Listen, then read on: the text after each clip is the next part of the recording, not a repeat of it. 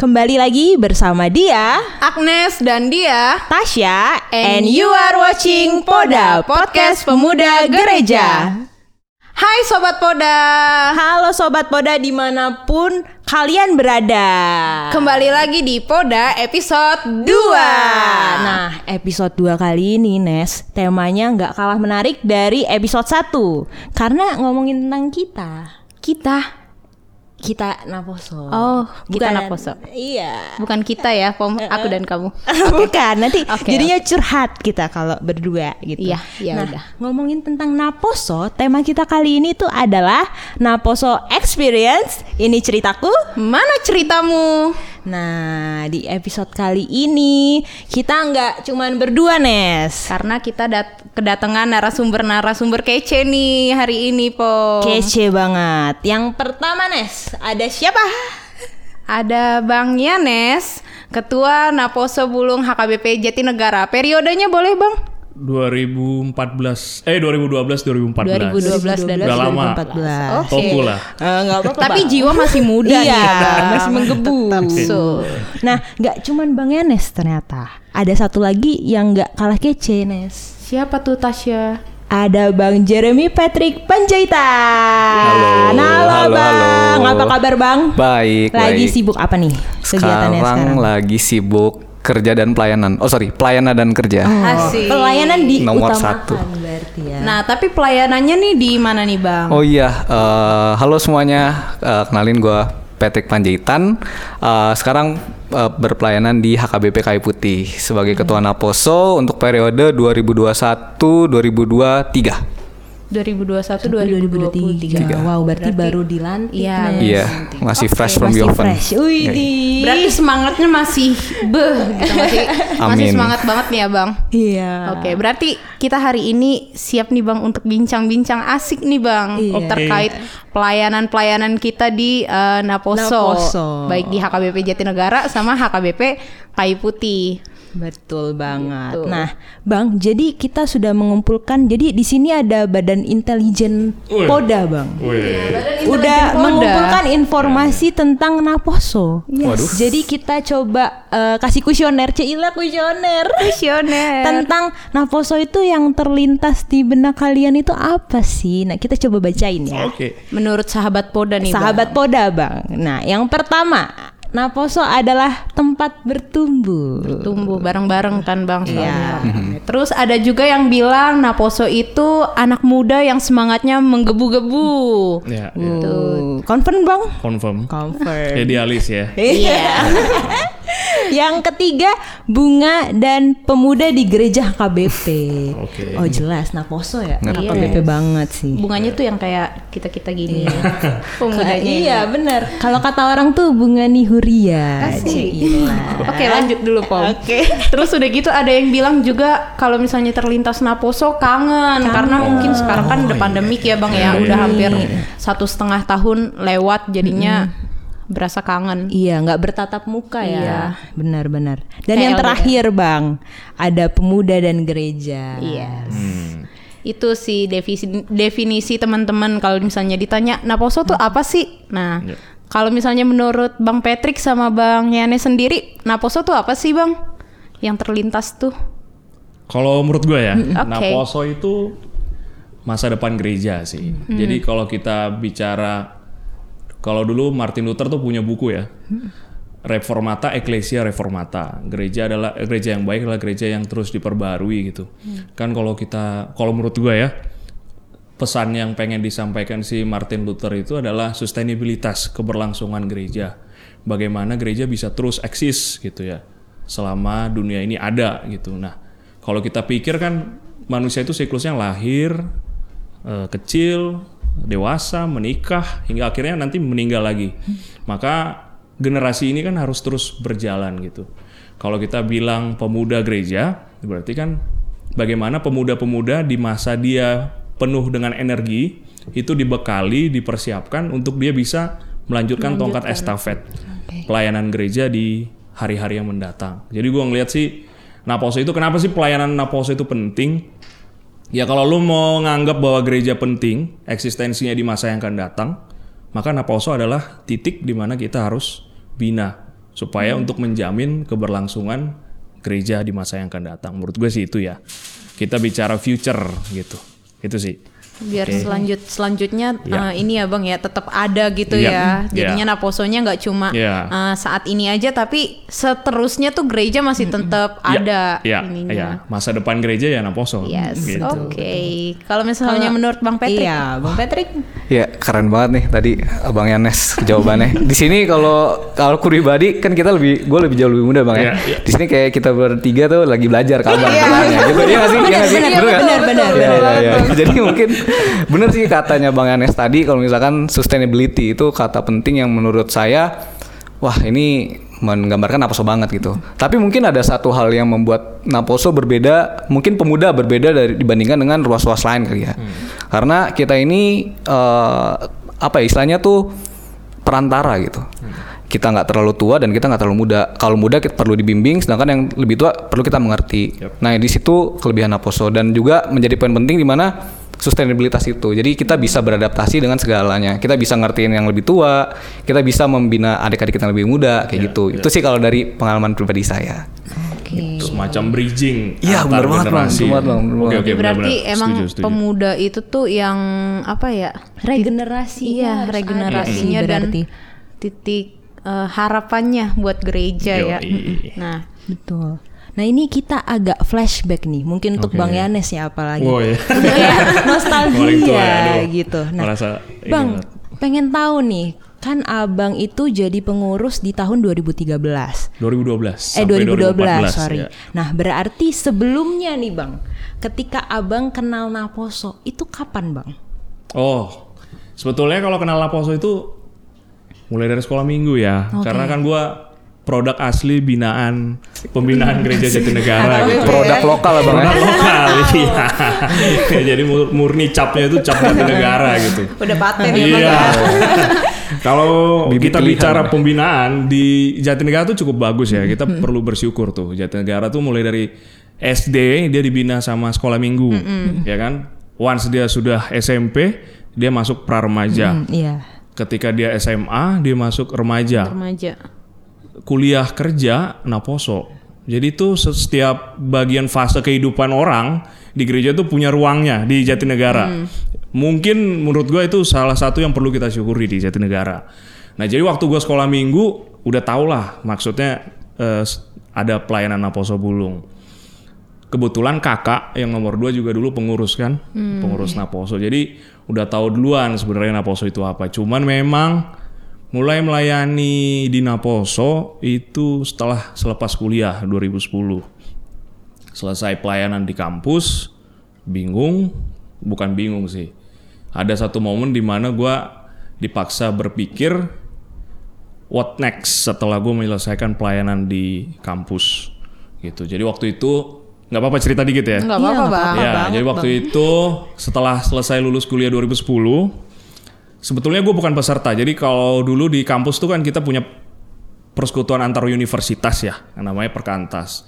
Nah, jadi waktu eh, bulan pokoknya awal-awal tahun 2011 itu setiap tahun tuh Perkantas bikin kayak camp gitulah, camp pengutusan mahasiswa namanya. Kayak retret Iya, gitu. pernah dengar, pernah Nah, Kebetulan gue sebetulnya bukan peserta, pemusik di situ. Tapi ya mumpung lah ya, ikut deh gitu. Nah, nah, jadi kalau di camp pengutusan tuh kayak kita dipersiapkan gitu loh. Anak-anak yang melayani di di kampus tuh what's next nih setelah kamu selesai menyelesaikan pelayanan di kampus kamu mau ngapain kan gitu. Nah, suatu ketika eh, di saya lupa itu itu camp nasional atau camp pengutusan mahasiswa yang sifatnya DKI. Yang pasti gue ikut di situ sebagai pemusik. Waktu itu pembicaranya kalau nggak salah Pak Erik Sudarma gitu ya, pendeta bekas dulu anak teknik UI juga kalau nggak salah. Cuman dia menjadi pendeta, mempertanyakan lah, men-challenge setiap peserta di situ. Padahal gue sebetulnya bukan peserta, cuman karena lagi bukan sesi gue jadi pemain musik, gue dengerin gitu. Dia nanya, pikirkan apa yang akan kamu lakukan setelah ini gitu.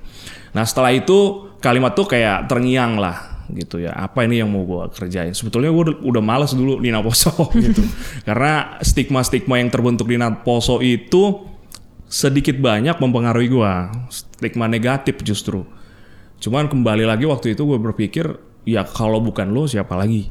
Kalau bukan di Amposo di mana lagi? Kalau bukan sekarang kapan lagi? Nah ceritanya gitu sih.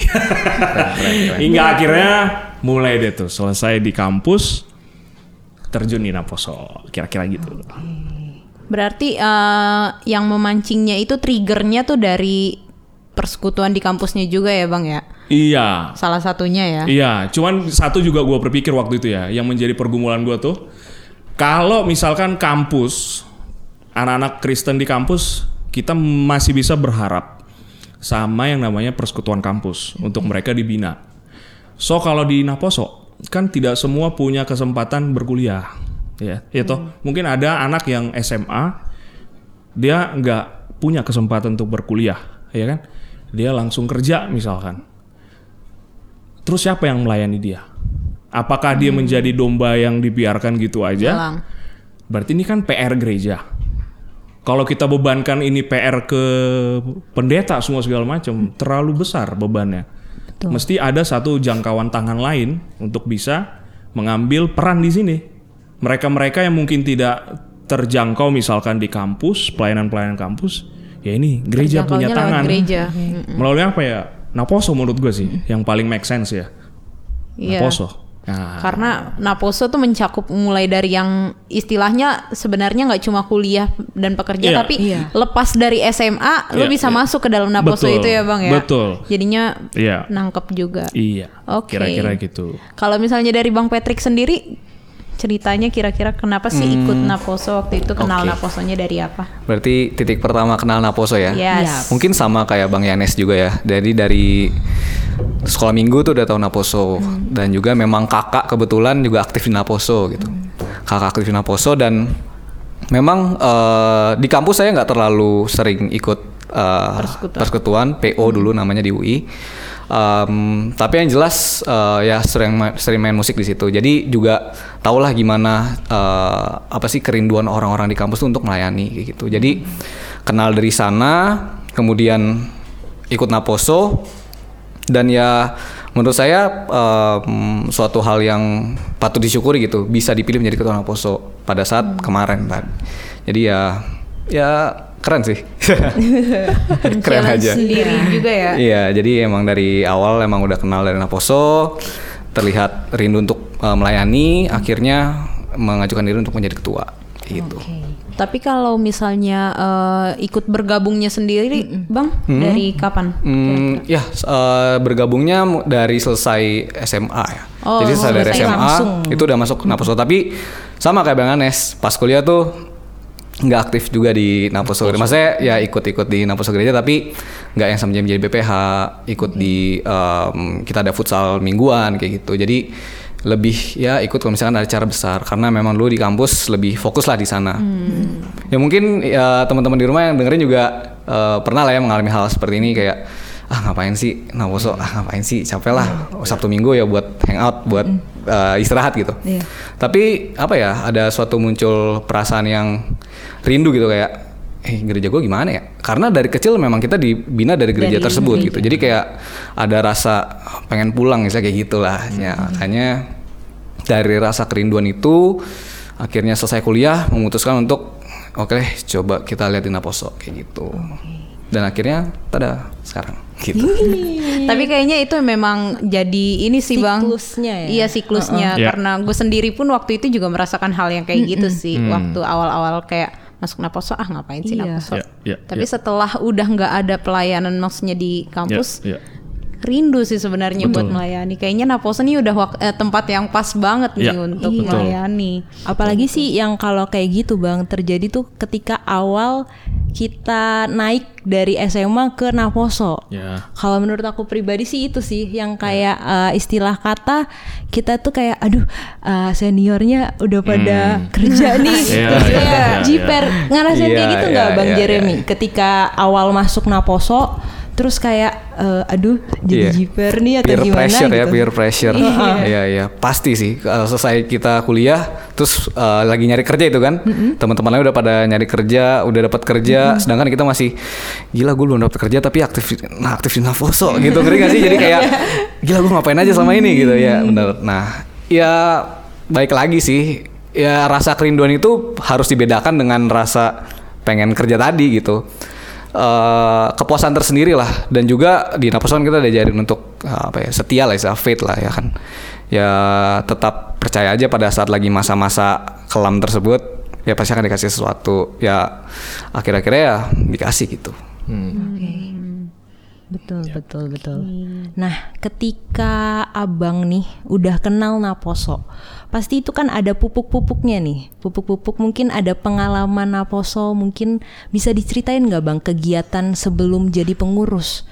Itu kegiatan apa yang istilahnya jadi kenal terus kayak ah gue harus kayak tadi nih kayak gue harus uh, komit nih ke gereja. Kegiatan apa sih bang yang abang lakuin? Hmm.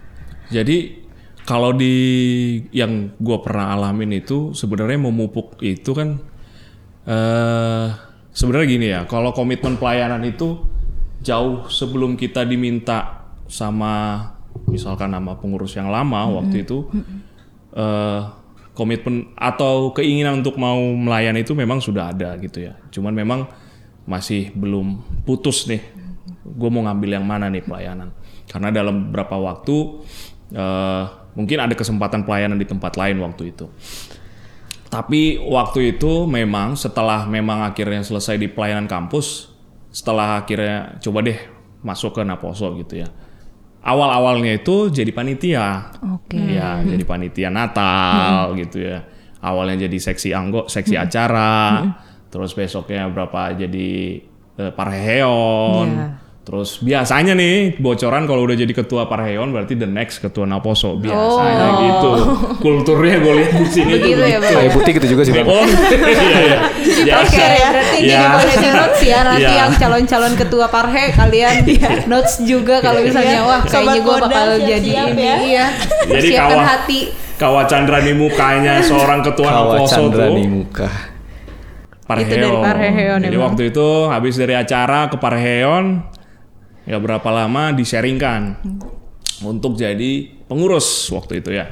Pengurus ya udah belum tapi belum di situ tuh belum dikasih tahu kita tuh bebannya sebagai apa. Apakah jadi ketua atau jadi apa atau jadi apa kan gitu Habis itu ikut retret, memang jago juga sih senior itu mem- membuat strateginya. Yang penting dapat dulu nih, ya kan? Krap! di, di, di prospek bang prospek kalah ya. nih MLM ya kan? kalah sih Dicari, bang dicari terus. ya kan? Habis itu dibawa retret kita. di bawah Ya, dibawa retret ya kan dikasih firman Tuhan dikasih sesuatu apa ya paradigma baru lah ya sudut pandang untuk melayani di gereja itu seperti apa kan gitu bla bla bla bla bla suatu ketika datang tuh dulu Bang Ohara mantan ketua Naposo sebelumnya Ohara Simarmata tuh salah satu figur yang menurut gue banyak gue belajar dari dia sebagai pemimpin yang rendah hati, ah belajar dari dia tuh. Dia itu apa adanya orangnya. Kadang agak sedikit melenceng ya. Iya. Kadang pelayanan itu kita terjebak sama yang namanya perfeksionisme pelayanan. Jadi kita tuh sebagai pengurus pelayan tuh dituntut untuk sempurna selalu kan.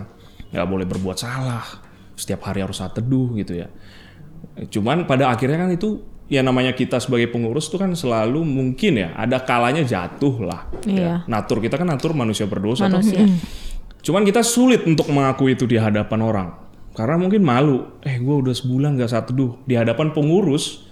Yang mungkin semuanya lancar tuh saat teduhnya sebulan. Angga akhirnya tuh bisa depres, depresi tuh. Tekanan tuh semakin berat. Nah Bang Ohara tuh gue belajar dari dia tuh begitu. Bagaimana seorang ketua Napos itu ya rendah hati aja terbuka. Kalau emang lagi bermasalah doakan kan gitu. Nah itu gue belajar dari situ Bang O. Nah dari Bang O singkat cerita tadi di retret Bang O panggil terus diminta Nes mau nggak menggumulkan sebagai ketua Naposo. Nah, singkat cerita sih seperti itu. Tapi eh, runtutan peristiwanya adalah ya diajak dulu nih di seksi eh di kepanitiaan. Sebenarnya tuh bukan menggodok sih ya, tapi bagaimana pengurus yang lama tuh melihat komitmennya sih sebenarnya. Rangkaian-rangkaian kegiatan yang diikuti itu dia komit nggak? Bagaimana mungkin bisa komit dalam waktu melayani dua tahun sebagai pengurus kalau diuji dulu nih Di kepanitiaan ya, Bang. yang berjalan cuma tiga bulan bisa nggak dia komit kira-kira? Bisa nggak dia bagi waktu adalah salah kalau kita menjudge orang nggak bisa bagi waktu antara kuliah dan kerja atau kuliah dan kerja plus pelayanan. Terus kita nyalahin yang namanya pelayanan kan nggak boleh. Iya, ya kan? bisa saja sebenarnya Tuhan panggil dia lebih dahulu untuk kuliah. Berarti kan sebenarnya dia selesaikan dulu dong kuliahnya dengan baik. Atau bertanggung jawab dulu nih di kuliahnya. Once sudah mature, mat- mature lebih baik mungkin ada ruang untuk dia bisa membagi waktu ke pelayanan. Nah kira-kira gitu sih ceritanya. Oke. Ada tantangannya nggak bang? Ketika ikut kegiatan panitia mungkin? Tantangannya klasik ya. Klasik. klasiknya itu Duniawi bang. duniawi. Jujur gitu ya. Gue cowok usia 22-23 tahun. Temen gue sudah kerja sudah punya penghasilan. Temen gue banyak Sabtu Minggu adalah waktu yang paling tepat Untuk Strategis bang. nongkrong. Iya, minimal nongkrong. Gue punya hobi naik gunung dari sejak zaman kuliah.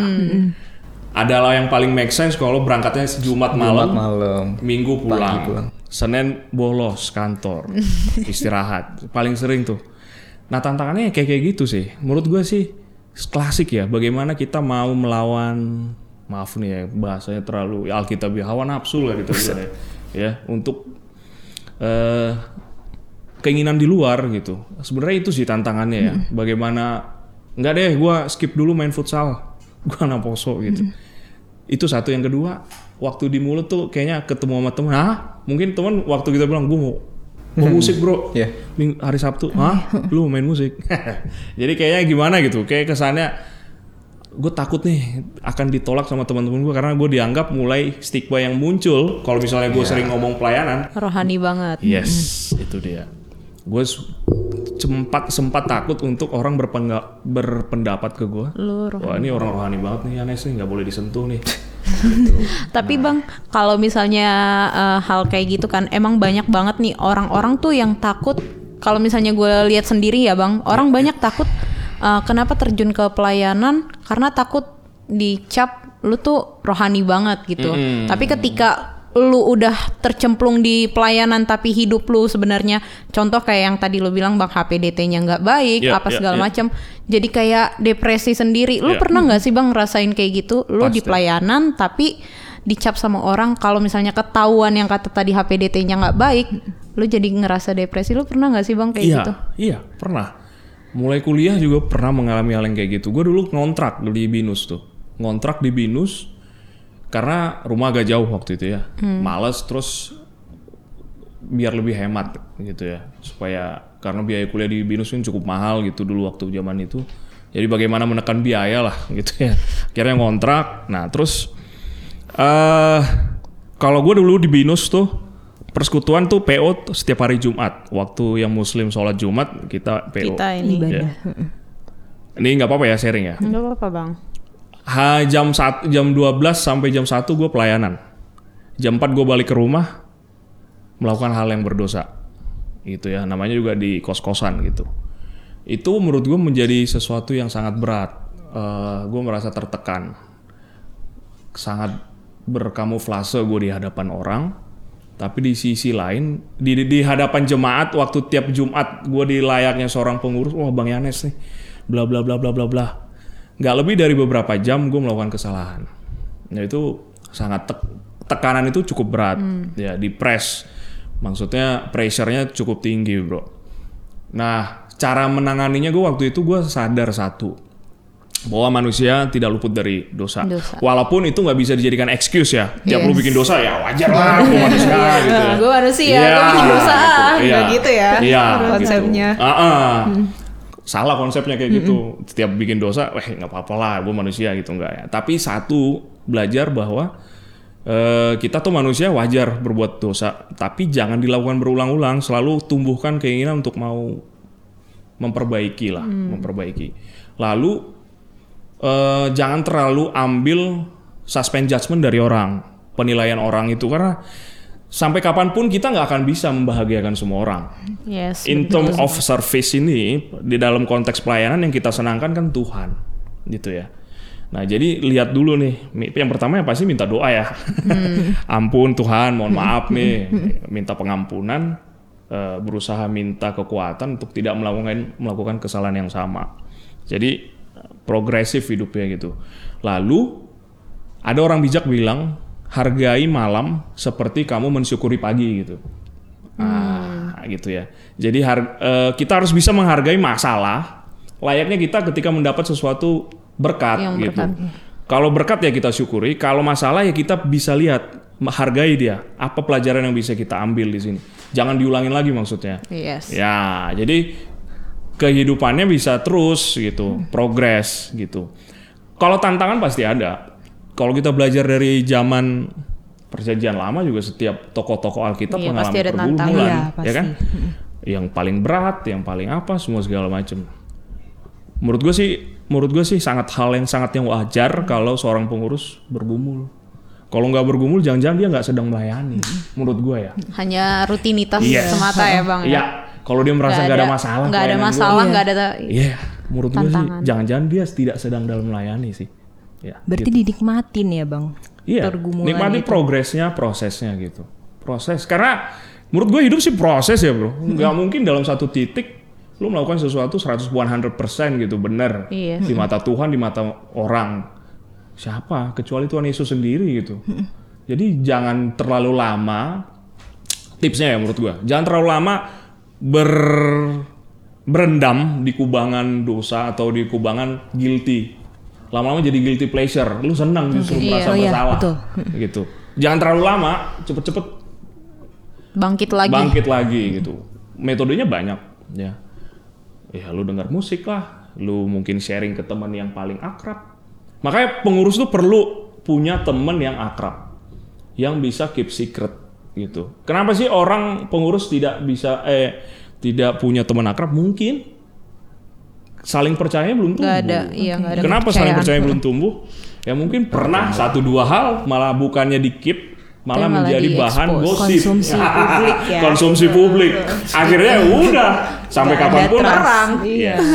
Betul. Gitu dia. Menurut gue sih ya perlu ya.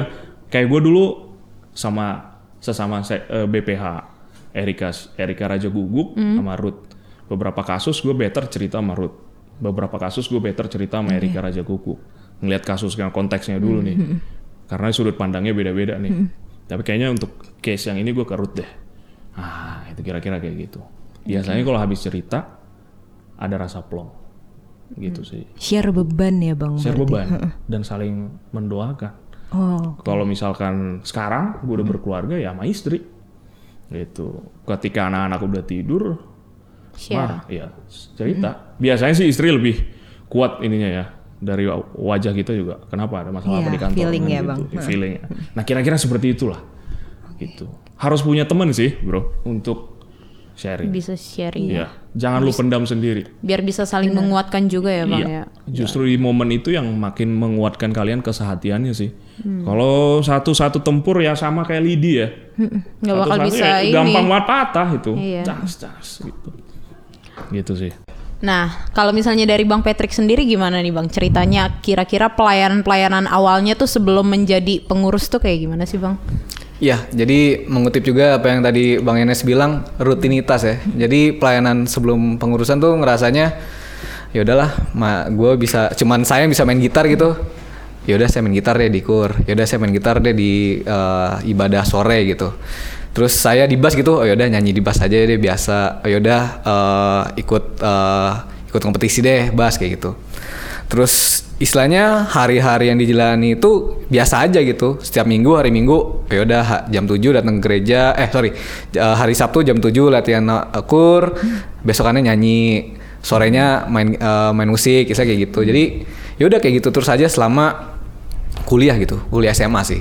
Nah tapi ada satu titik di mana eh, saya diceritain gitu sama ada eh, mantan guru eh, sekolah minggu saya, dia bilang gini, eh peto nggak sih kalau misalkan lagi pelayanan gitu, lagi melakukan sesuatu, terus kamu nggak ada perasa, kamu merasa worry di dalam hati kamu, kamu merasa kayak, eh ini mainnya bagus nggak ya?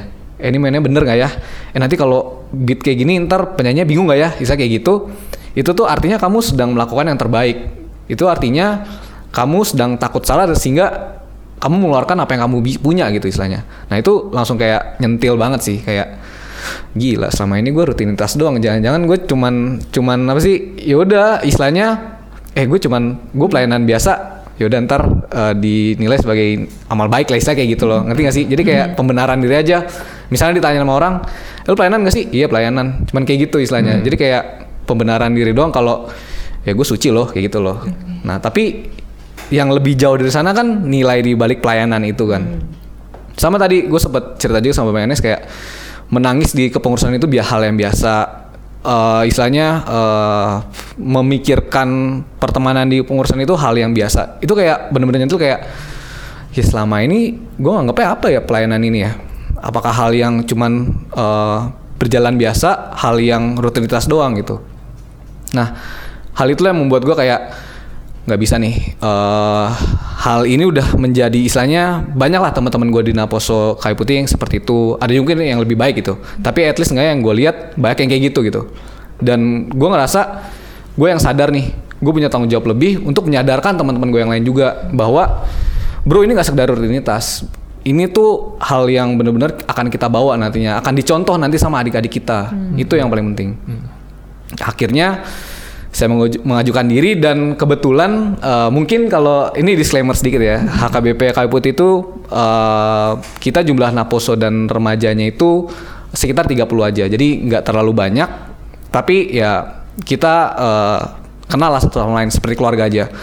Jadi istilahnya kebetulan kemarin juga eh, kita agak krisis ada yang mau eh, menjadi ketua Napo- eh, ketua Naposo sehingga akhirnya saya bersedia. Karena saya ngerasa ini nih saatnya. Di sini Tuhan udah sediakan jalan, kamu udah diingatkan, kamu udah di misalnya apa ya, udah disentil. Yuk, coba yuk buat HKBP kayu putih, kayak gitu. Lebih besarnya untuk kemuliaan nama Tuhan. Oke, gitu. mantap. Tapi eh, nge- narik da- narik tadi sedikit, Bang. Tadi kan bilang menyerahkan diri. Maksudnya itu tuh apa eh, Bang Patrick yang mengajukan diri mau nih jadi ketua atau dipilih tapi oke gue mau ngambil ini ngambil kesempatan ini Jadi sebenarnya pada saat malam pemilihan itu udah ada hard eh, yang kayak istilahnya pet ayo pet pet ayo pet gitu loh ngerti sih. Jadi kayak eh, dan memang eh, karena tadi ya mungkin kebudayaan sebelumnya saya juga ketua Naposo gitu. Eh sorry ketua Parheon ketua Parheon. Jadi kayak eh Patrick Patrick gitu loh ngerti nggak sih. Nah akhirnya dan juga gimana sih kayak ngerasa momentumnya tuh di situ gitu loh. Akhirnya dipilih, dipilih dan oke saya siap. memang udah ada Ya, oke eh, saya siap bisa kayak gitu. kesediaan hati juga. Berarti emang momennya dipilih dan menyerahkan juga ya. Iya, menyerahkan. Mem- mungkin karena saya ngerasanya, oh mungkin selama ini dari pribadi saya yang cuek kemarin pada saat SMP SMA hanya rutinitas biasa disentil, kemudian ada nih jalan peluang untuk jadi ketua Naposo untuk merubah stigma itu di gereja saya kayak "Ayo, Pet, ini nih momentum ini udah disiapin nih, saya kayak gitu. Oke. Tapi dari diri sendiri nih Bang, menarik soalnya Bang Patrick ini kan 2021 dan pas banget ada pandemi. Pandemi. Yes. Nah itu ada tantangan apa Bang yang ada di dalam diri mungkin atau dalam persekutuan Aposo? Justru saya nganggapnya pandemi ini jadi kesempatan sih. Karena pertama kan kita jadi agak susah untuk berkumpul dan tatap muka ya. Nah, saya menyadarinya kalau perusahaan-perusahaan ini masa pandemi ini kan lagi nge-repair dalamnya sendiri kan. Nah, saya juga ngerasa kayak Naposo juga harus repair dalamnya. Makanya yang hal yang saya lakukan adalah saya mencoba untuk eh, oke, sekarang kita kumpulin dulu Naposo kita yang mana aja. Oke, sekarang eh, selama ini kita ada nggak sih strata kayak istilahnya em, regenerasi Naposo ke depannya biar sustain kayak yang Abang Yanes bilang dibina dari dia pra remaja sampai dia ke Naposo. Nah, hal itu dulu yang mau saya benarkan di HKBP Kayu Putih. Di mana kita buat dulu struktur kepanitiaan yang jelas, regenerasinya pun jelas sehingga eh, nggak perlu lagi ada campur tangan parhalado untuk kayak ini mana Naposo untuk ketuanya dan segala macamnya. Itu dulu diperjelas Kemudian masing-masing bagian dari eh, kepanitia eh, apa seksi-seksi panitia itu punya prokernya sendiri, mereka punya staffnya sendiri dan mereka punya job desk yang jelas. Dan ya mungkin tantangannya ya menyusun itu tadi gitu. Itu butuh waktu sih. Dan sampai sekarang mungkin progresnya sudah sampai ya sekitar 80%. Sehingga mungkin rencananya di akhir tahun ini kita bakalan relaunching lah kayak gitu. Relaunching Naposo kita NHKBP Kayu Putih untuk menjadi yang lebih baik lagi kayak gitu. Itu kesulitan dan kesempatannya. Oke. Berarti tapi untuk jadi pengurus ini ini pertama kalinya ya, Bang? Pengurus pertama, ya pengurus pertama. Sebelumnya maksudnya belum pernah jadi Yes. anggota apa gitu. Sebelumnya panitia panitia aja sih. panitia panitia sama ya kayak bang Yanis juga Iya. kemarin begitu jadi langsung ketua nih Iya. berarti dua-duanya ya Betul. nah eh, mungkin mau nanya juga bang selama kepengurusan kalau misalnya bang Patrick kan kayak baru mulai nih baru mulai 2021 ini. Dulu waktu di kepengurusan bang Yanis sendiri bang eh, tan- eh, apa ya suka dukanya tuh apa sih bang kira-kira? Suka duka. iya. Banyak nih pasti. dan dan mungkin apa Iya, ya iya, kayak iya, iya, pengalaman-pengalaman berkesannya yang bakal nggak bakal nih gue lupain nih di pengurusan ini. Eh, yang pertama kultur kultur shifting ya. Hmm. Dulu di di kampus, gue melihat justru nih ya logika kadang terbalik. Kalau di kampus tuh lebih majemuk dari suku, Bener-bener. Iya. eh, umur, usia satu pengurusan range usianya beda. Ada yang masih dua tahun ta- dua tahun kedua sudah jadi pengurus, ada yang tahun keempat baru jadi pengurus kan gitu ya. Iya. Gue kira waktu itu dengan varian pengurus yang banyak di kampus itu akan lebih sulit komunikasinya. Tahu nggak yang terjadi yang gue alami justru waktu di Naposo yang notabene kita satu suku, come up datang dari satu suku, suku Batak. ya, sudah kenal bahkan mungkin Iya. beberapa sejak sekolah minggu. Sekolah minggu berantem Tapi aja ya, tantangan yang paling berat gue hadapin di Naposo. Baik. Iya. Justru justru sama malah makin berat bang. ya? Iya. Makanya gua waktu itu bingung, kenapa ya? Kok bisa malah khususnya dalam hal kesehatian ya? Kesehatian. Iya, gitu. Tapi pada akhirnya waktu gua sempat mengalami itu, pada akhirnya gua ngelihat justru eh, ketika kita yang paling gua nikmati ya pembentukan diri justru selama gue di Naposo ya. Gue dibentuk, gue dikritik abis. Tim gua hampir 80 per- hampir 80% perempuan bukan bicara gender nih ya, Iya. tapi gue yang laki cuma gue dan Peter. Gue Peter sama Bang Toga. Selebihnya perempuan semua tuh. Bagaimana gue harus belajar karena wanita itu unik gitu. Bagaimana harus bisa menganju. Ini ini ini ini Betul, diperhalus bahasanya nih. Gue tau mau ngomong apa nih. Kayak diperhalus Gak bahasanya. bang, Iya. keluarkan saja. Kami tapi wanita-wanita bu- tapi bukan masalah itulah. Keren, Justru keren, sudut pandang di karena mungkin ya mungkin mungkin mungkin yang gue lihat keras-keras ya orang Batak itu straight to the point kalau di Naposo gitu. Jadi kalau kita rapat itu mesti ada satu dua selisih paham. Cuman dulu waktu pas gue menjalaninya gue ngerasa ini nggak bener nih pelayanan kayak gini. Cuman di akhir-akhir gue justru melihat ketika orang punya semangat gairah sampai dia berani mengkritisi rekan pelayanannya, justru dia sedang berarti memberi hati di pelayanan itu. Iya. Kalau dia diem-diem aja bro, yang kayak yang dibilang sama senior lo tadi, mungkin jangan-jangan dia nggak menghidupi pelayanan ini. Mungkin waktu pas gua ngejalanin itu lagi berat, wah gila ya, yang satu ribut sama Iya, ini, iya, besok yang ini ribut sama ini gitu ya, yang ini, wah iya, gue gimana nih, gue yang tua gitu kan. Di saat itu mungkin, wah ini nggak bener nih. Tapi kita dibentuk. Eh, ada hal yang akhirnya kondisi itu kan memaksa gue men-trigger gue, lo harus bergerak sebagai ketua. Ketemu satu-satu dulu, misalkan ketemu sama si A, lo kenapa sih? Bla bla bla bla. Ketemu sama si B. Di saat itu kan kita belajar untuk mau apa ya, put your feet in other shoes gitu ya. Bagaimana kau Yeah. menempatkan dirimu di Yeah. sudut pandang orang lain gitu. Kalau kita nggak melihat dari sisi dia, mungkin kita selalu Kita menjudge tahu, dia iya. salah gitu. Tapi kalau kita coba denger nih, sebenarnya lu kenapa sih? Apa sih yang menurut lu salah di sini gitu? Coba, nah di situ kan, yang gue nikmati justru itu sih, bagaimana Bisa berinteraksi sama orang, mengenal orang lebih jauh, dan itu namanya manfaatnya di kerjaan, Iya, bener bang. menurut gue sih ya. Bisa menghadapi Iya, orang bisa juga ya. menempatkan Yes. diri Iya. juga ya bang. Iya, gue orang IT di kantor, menghadapi orang bisnis yang mintanya hari ini minta bikin aplikasi A, minggu depan dia minta udah harus jadi. Kalau gue mungkin gak punya pengalaman menghadapi orang waktu naposo, mungkin gue bawaannya ngamuk-ngamuk mulu tuh di kantor. Iya. Gila lu, lu, hanya waktu seminggu lu minta aplikasi jadi gitu kan. Cuman kan kita tahu kita bergerak ke unit bisnisnya. Sebenarnya kenapa sih Pak urgensinya harus butuh aplikasi Iya, ini? Butuh seminggu. Oh iya Pak Yanes. Ini harus gerak karena kalau enggak salesnya turun atau apa. Kita juga di pressure sama manajemen bla bla bla. Nah, skill-skill Bisa itu justru yang jadi manfaat ketika once kamu keluar dari Naposo. Pembentukan-pembentukan ini menurut gua mungkin nggak akan lo dapetin di tempat di lain. tempat lain. Mungkin di Danau Poso bentuknya kita di mold ya. Kalau ibarat kita tanah liat tuh di sini. Memang sakit nih. Iya. Cetakan. Iya, dipukul, dibakar ya kan kalau kita bikin keramik ya.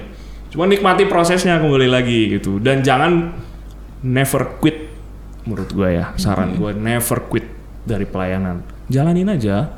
Berat ya berat. Memang pasti kalau kalau pelayanan itu mudah, mungkin semua orang akan tertarik melayani. Ambil, iya. Tuayan banyak, bekerja sedikit. sedikit.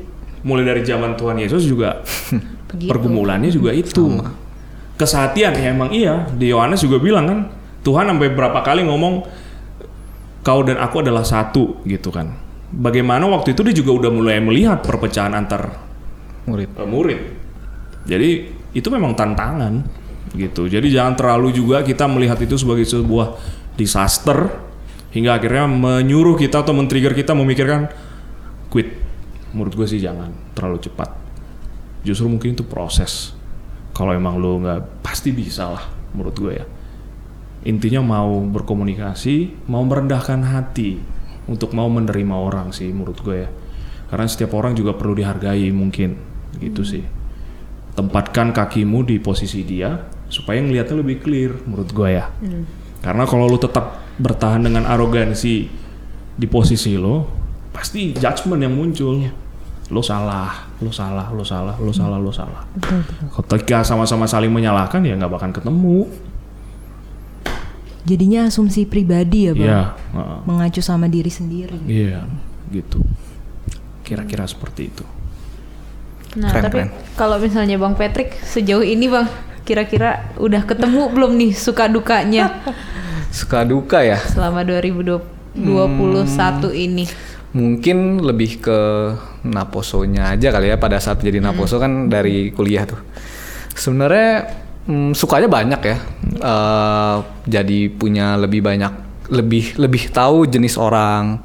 Em, atau mungkin gini, eh, saya belajar hal yang tadi Bang Yanes bilang itu jujurnya nggak dari naposo. Saya belajar hal itu pada saat berorganisasi di kampus.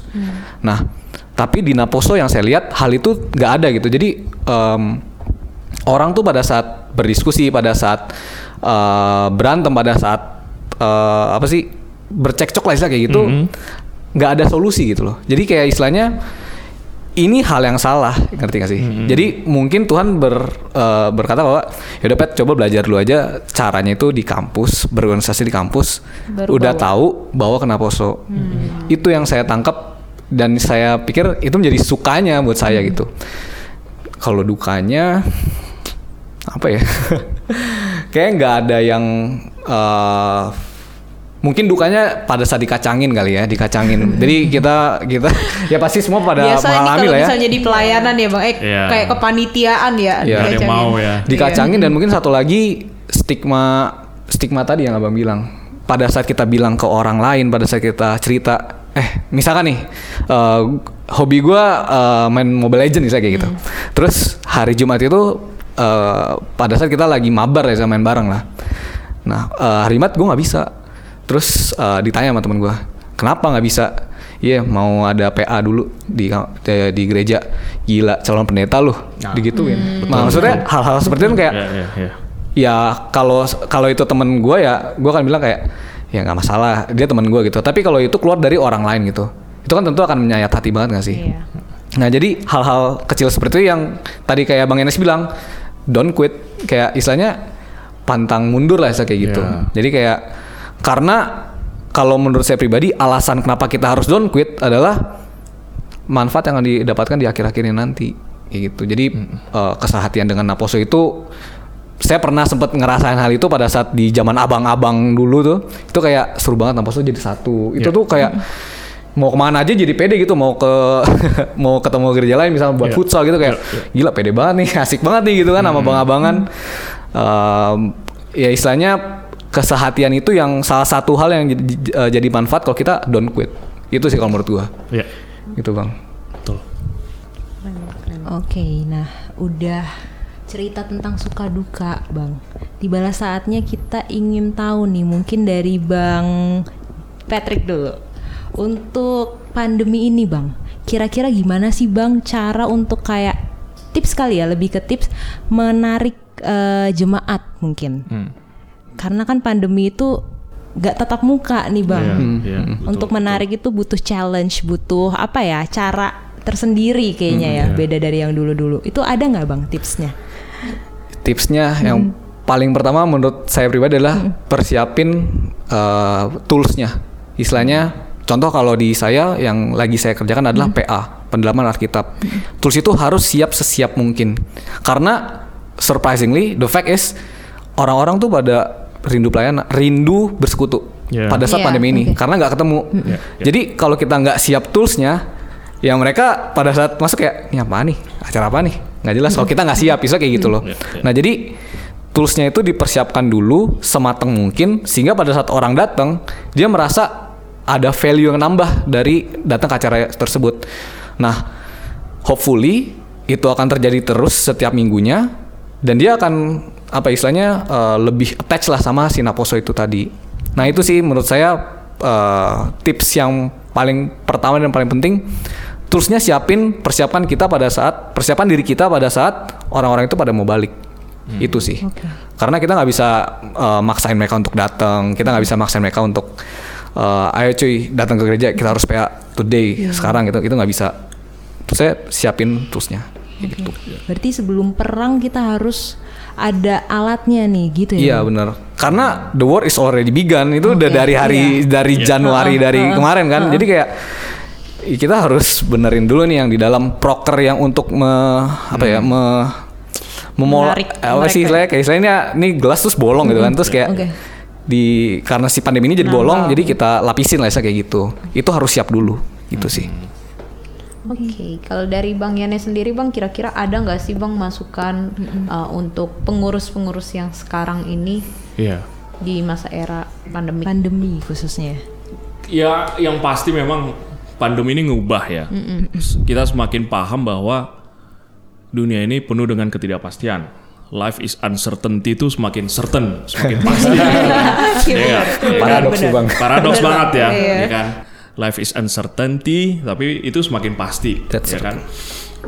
Yang satu menurut gue mungkin menyambung yang dibilang Patrick tadi, pengurus mungkin ya, mungkin ini tantangannya beda ya. Menurut gua teman-teman yang pengurus sekarang tuh menghadapi sesuatu yang lebih besar, lebih lebih lebih lebih apa ya? Lebih membutuhkan effort dibandingkan mungkin zaman gua. Nggak ada tuh masa pandemi. Tantangannya mungkin Liga Inggris jam 8 main gitu doang paling. Yang cowok-cowok susah yang ya. Iya, iya, iya, iya. Zaman-zaman Manchester, Manchester City baru dibeli Sheikh Maktoum, Bro. Iya, iya, Nah, iya. Kalau sekarang tantangan kalian adalah kultur, bro. Gitu. Jadi kulturnya udah berubah, tidak bisa dimungkinkan kita ketemu. Salah satunya ya inovasi sih. Kalian mungkin Inovasi. harus cepat untuk bisa eh, shift ya. Menurut gua misalkan kayak ini kepengurusan masih jalan ya. Masih. Tentu ada program kerja toh selama satu tahun ini atau dua tahun eh setahun sebelum atau satu tahun ke depan. Ke depan. Coba di shift dilihat mana yang nggak program-program kerja yang nggak perlu lagi dilakukan karena nggak dimungkinkan di masa pandemi itu di shifting ke program kerja lain. Yang menurut gue yang lebih inovatif ya. Kayak contoh ya, gue ngelihat misalnya kayak tadi PA gitu ya. Coba PA ambil perikop-perikop yang nggak lagi bicara dalam tanda kutip nih. eh sangat-sangat dogmatik bagaimana kenapa Yesus harus begini-gini gitu. Tapi lebih-lebih ke arah ke praktikal yang bisa memang membuka keinginan orang karena dia gini mau datang. suasana persekutuan tuh akan berkurang karena kita tidak bertatap muka, ya kan? Orang akan melihat value persekutuan itu berkurang. Tapi tugas kita bagaimana menjaga value persekutuan itu tetap ada, gitu ya. Walaupun tadi, nah itu tadi siapin toolsnya, ya kan? Coba desain misalnya tetap PA, tapi desain materi PA-nya yang lebih mungkin applicable, yang bisa benar-benar kena ke dia di masa sekarang. Menurut gue mungkin survei adalah cara yang tepat ya untuk menangkap sebenarnya apa sih isu yang sedang mereka hadapi sekarang. Karena baru berikutnya mungkin Zoom, tapi eh, dikemas dengan games yang bisa online kan sekarang banyak Menarik tuh. ya, Bang. Iya, kan bisa banyak bikin bikin quiz breakout Alkitab. room ya, Bang, breakout Iya, room ya. breakout room. Iya, iya. Ketika nanti misalkan sudah 10 menit terakhir atau 15 menit terakhir se- setelah khotbah, bikin kahut kahut. Iya, breakout room. Apa yang Anda dapat gitu. Jadi tetap dijaga uh, value apa ya? kesehatian sesama jemaat lah gitu. Nah, pikirkanlah itu gitu. Kita mulai bisa dari uh, responden ya pakai kuesioner gitu atau uh, kalau Zoom itu bisa dibuat interaktif loh, Dek. Gitu. Gue pernah ikut trainingnya itu banyak alat-alat yang Di zoomnya ya. di zoomnya itu yang bisa mengundang interaksi si si Penonton. Penontonnya, penonton. viewersnya. Misalkan ada gambar, ayo teman-teman yang lima ke- Ah. lima pertama melakukan mentap Iya iya tombol gambar apa. love misalkan akan jadi pemenang. Jadi dia tidak menjadi bosan hanya sekedar melihat layar. Dia bisa dipancing Tapi berinteraksi di layar itu. Nah itu hal-hal yang gitu menurut gua bisa dilakukan gitu. Mungkin quiz gitu kan banyak website-website gratis. Kahut, Ya, ya. ah, Kahoot, bener. ya, Ah, Kahoot. Ah, ah. itu tuh dimasukin aja ke dalam persekutuan. Ya nggak pas khotbah juga misalkan karena kita ngejaga misalkan ada ini Ada nilai-nilai nggak bisa dilanggar juga Iya bang ya. betul. Iya. Nah tapi di sisi lain mungkin setelah eh, pas apa misalkan ya, habis amen-amen lah misalkan. Ya kita ini dulu ya, Hiburan, belum belum belum. hiburan. Nah, Jadi kebersamaan Iya, Bang, ya. jadi engagementnya itu bisa tetap even walaupun kita terbatas ruang, ya kan? Waktunya sih nggak terbatas ya, ruangnya doang masih nih.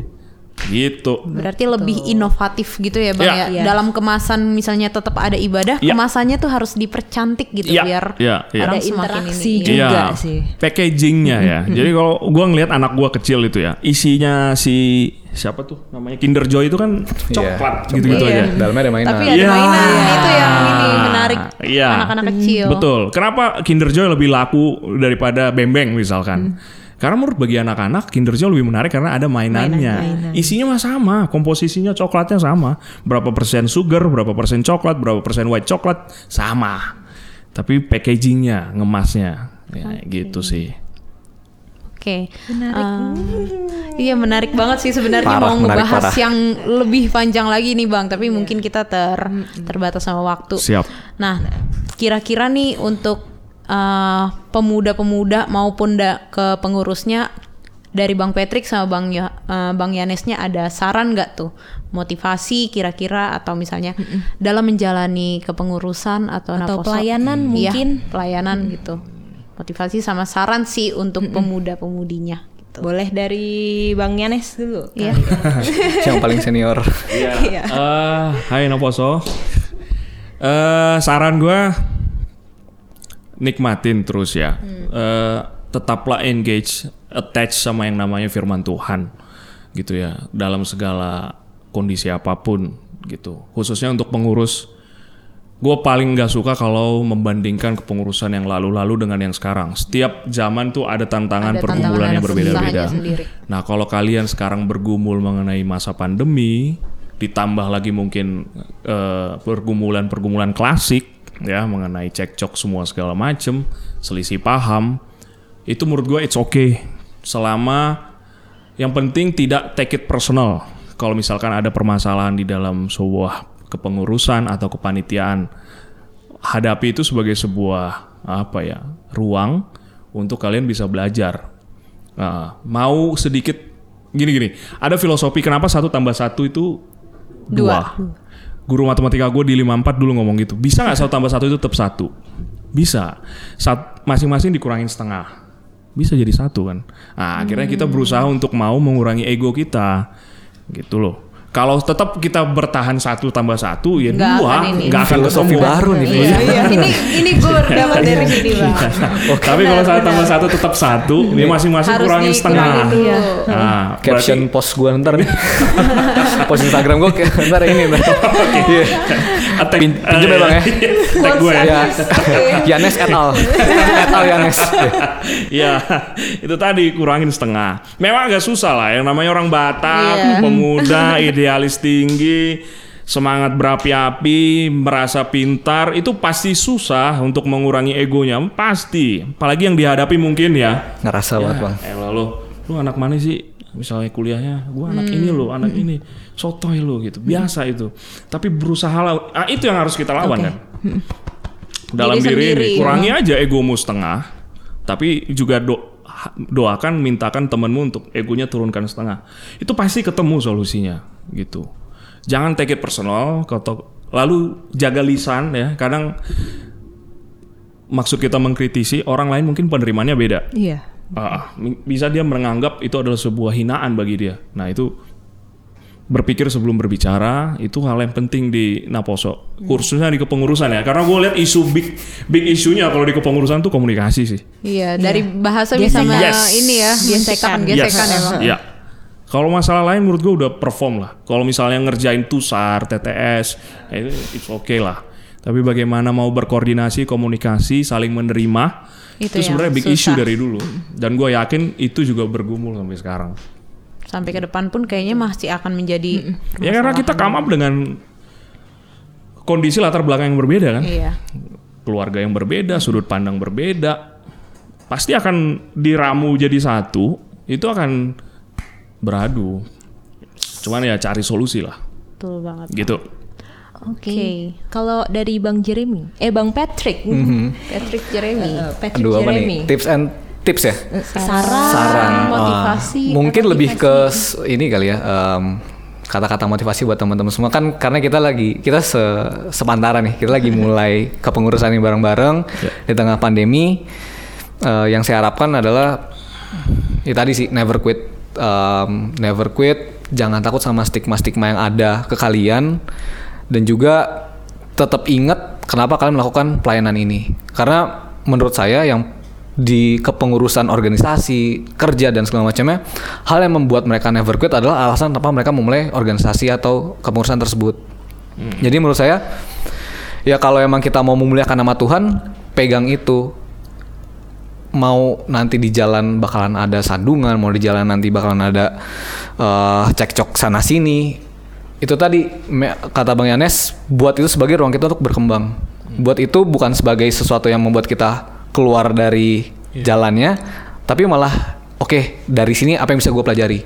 Selalu punya mindset yang seperti itu. Dan tetap semangat buat teman-teman Naposo semua, khususnya buat Naposo HKBP Jatinegara yang udah baik banget ngundang kita hari ini. Dan juga eh, tetap semangat buat teman-teman HKBP Kayu Putih juga yang nanti bakal denger. Kita bakal will come back stronger. Ya. Asik. Jangan lupa juga berarti untuk HKBP eh, Kayu Putih juga dengar ya bang ya. Ah iya nanti nanti gue blast di grup. Nah, Satu lagi, ayo kena poso. Nah Ayo. betul bang, itu kayaknya Iya, campaign tagar setiap tahun, setiap Iya. apa pun. Ayo kena Ayo poso. kena Ayo kena poso, ayo Kena poso. Ya. Oke bang.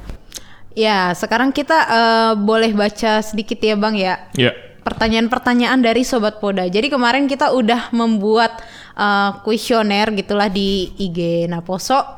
Mau nanya nih apa sih yang mereka mau tanyakan ke narasumber kita. di sini ada pertanyaan pertama nih bang. Cara mendapatkan Boruni Raja dari Naposo. Iya. Silakan Bang Enes waktu dan Iya, tempat. Iya, udah ini kan, udah menikah gitu. Iya. Cara dapetin ya? Sebenarnya apa ya? Nggak ada tips trik khusus ya. Berdoa sih. klise ya, klise, klise. Kaget gue dengernya. Hmm, susah pertanyaan. nggak ada trik khusus, nggak ada trik khusus. Semua itu Tuhan yang ngatur mengenai jodoh. Saya ketemu, gue ketemu istri Juwita Borupanggabean memang kebetulan Batak. Tapi gue tidak dalam konteks ketemu dia di gereja, di di sebuah acara pelayanan bukan. Gue ketemu dia di kantor. Dalam suatu momen saya ketua tim di anggota, cuman klik Tuhan pimpin ya berumah tangga gitu. Tidak ada satu pun standar yang bisa dijadikan acuan untuk kita supaya bisa dapat boruni raja. Itu semua udah rahasia Tuhan. Tuhan. Ya. Ada juga orang Batak nggak dapat Di baru Batak. Mungkin nggak dapat di gereja kita, tapi mungkin di gereja lain gitu. Tapi satu ya, satu yang pasti.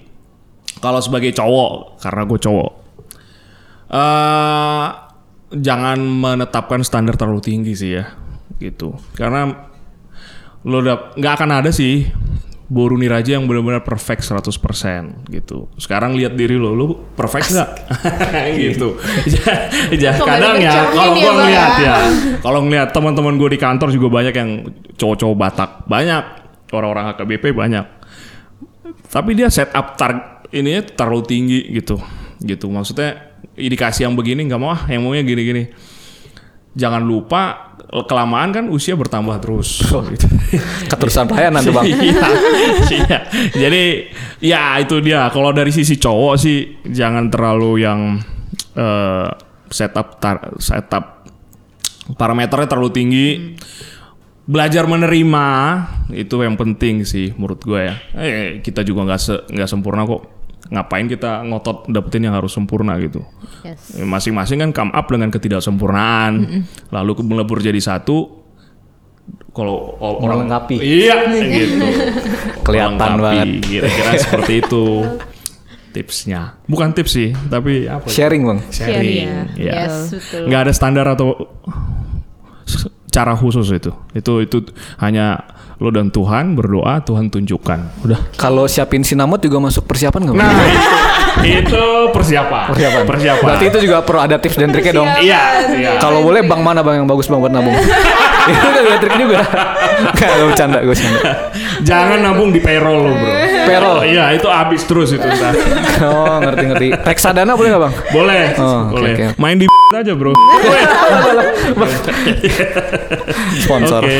Oke, nah kalau misalnya dari Bang Patrick sendiri nih, apakah juga sedang mengincar-ngincar Iya, Boru Niraja di menjajaki. gerejanya atau misalnya di gereja lain? Di depan ada dua nih, Pet. Oh, Oh iya, di Iya, depan iya, pas iya. lagi ada dua nih Bang. Oke. Depan Tapi kan pas sama cuma boleh ya. kan cuma boleh satu tapi. Iya. Sebelumnya mau nanya dulu nih. Ini berarti yang nanya cowok ya, Boru Niraja. Nah, itu Emangnya dia. Kalau anak Niraja juga nggak bisa di Iya, ini ya. iya. Nah, canda. Eh, oh ya pertanyaan kedua harus Batak. Hmm, kalau Boru Niraja sih berarti Pasti harus Batak ya? Indikasi. Ini maksudnya mungkin mempertanyakan yang Batak. Hmm, jujur kalau dari saya pribadi mungkin apa ya nggak tahu mungkin dari sarannya Bang Yanes lebih masuk ya maksudnya menurunkan ekspektasi melengkapi diri dan coba berserah kepada Tuhan tapi tips and, tips and triknya mungkin kalau saya lebih praktikal aja kali ya mungkin persiapan diri aja lah.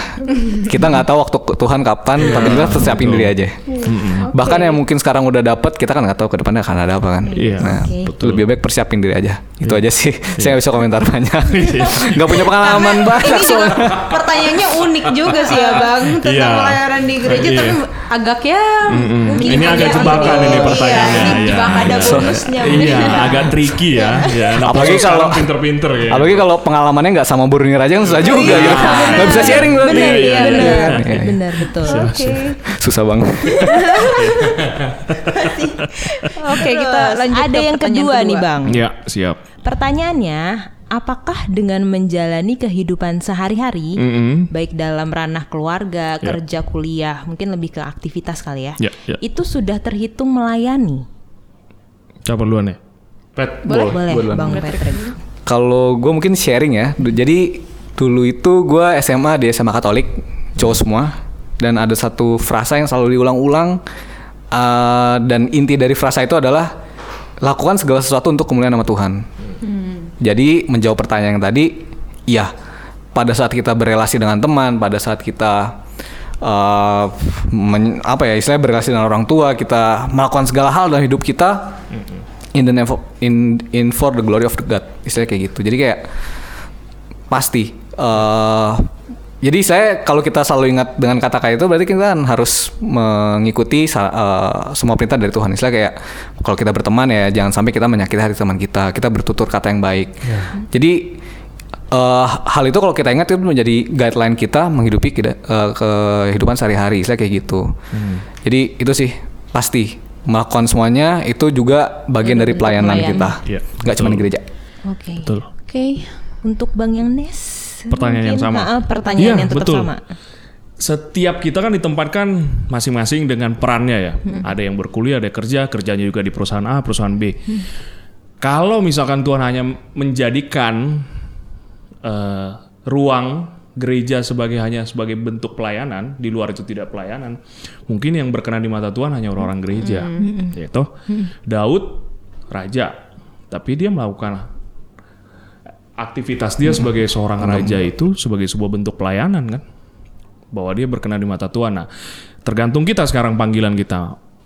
Mungkin beberapa panggilannya sekarang adalah studi, ya kan?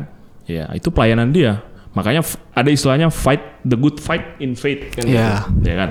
Bertanding di pertandingan yang baik, gitu. Studi pertandingan yang baik. Lo harus harus bisa menekan ego lu untuk tidak misalkan nonton bola karena besok ujian, lu belajar misalkan. Bekerja, iya. Bagaimana lu bisa menghadapi tantangan bisa menjadi seorang Kristen di tengah-tengah lingkungan yang mungkin non Kristen semua, Iya, Muslim semua sebagai misalkan. minoritas lah ya bang. sebagai minoritas. Ada ancaman mungkin eh, isu-isu political office semua segala macam. Tapi bagaimana lo bisa eh, survive sebagai seorang Kristen? Nah itu juga kan sebagai sebuah pelayanan. Jadi kita jangan pernah mendikotomi yang namanya istilah melayani di mana pun Tuhan tempatkan ya itu sebagai bentuk pelayanan makanya yang dibilang Patrick tadi lakukanlah itu demi kemuliaan nama Tuhan, menurut gue itu sih Oke Ya. bang. Betul betul.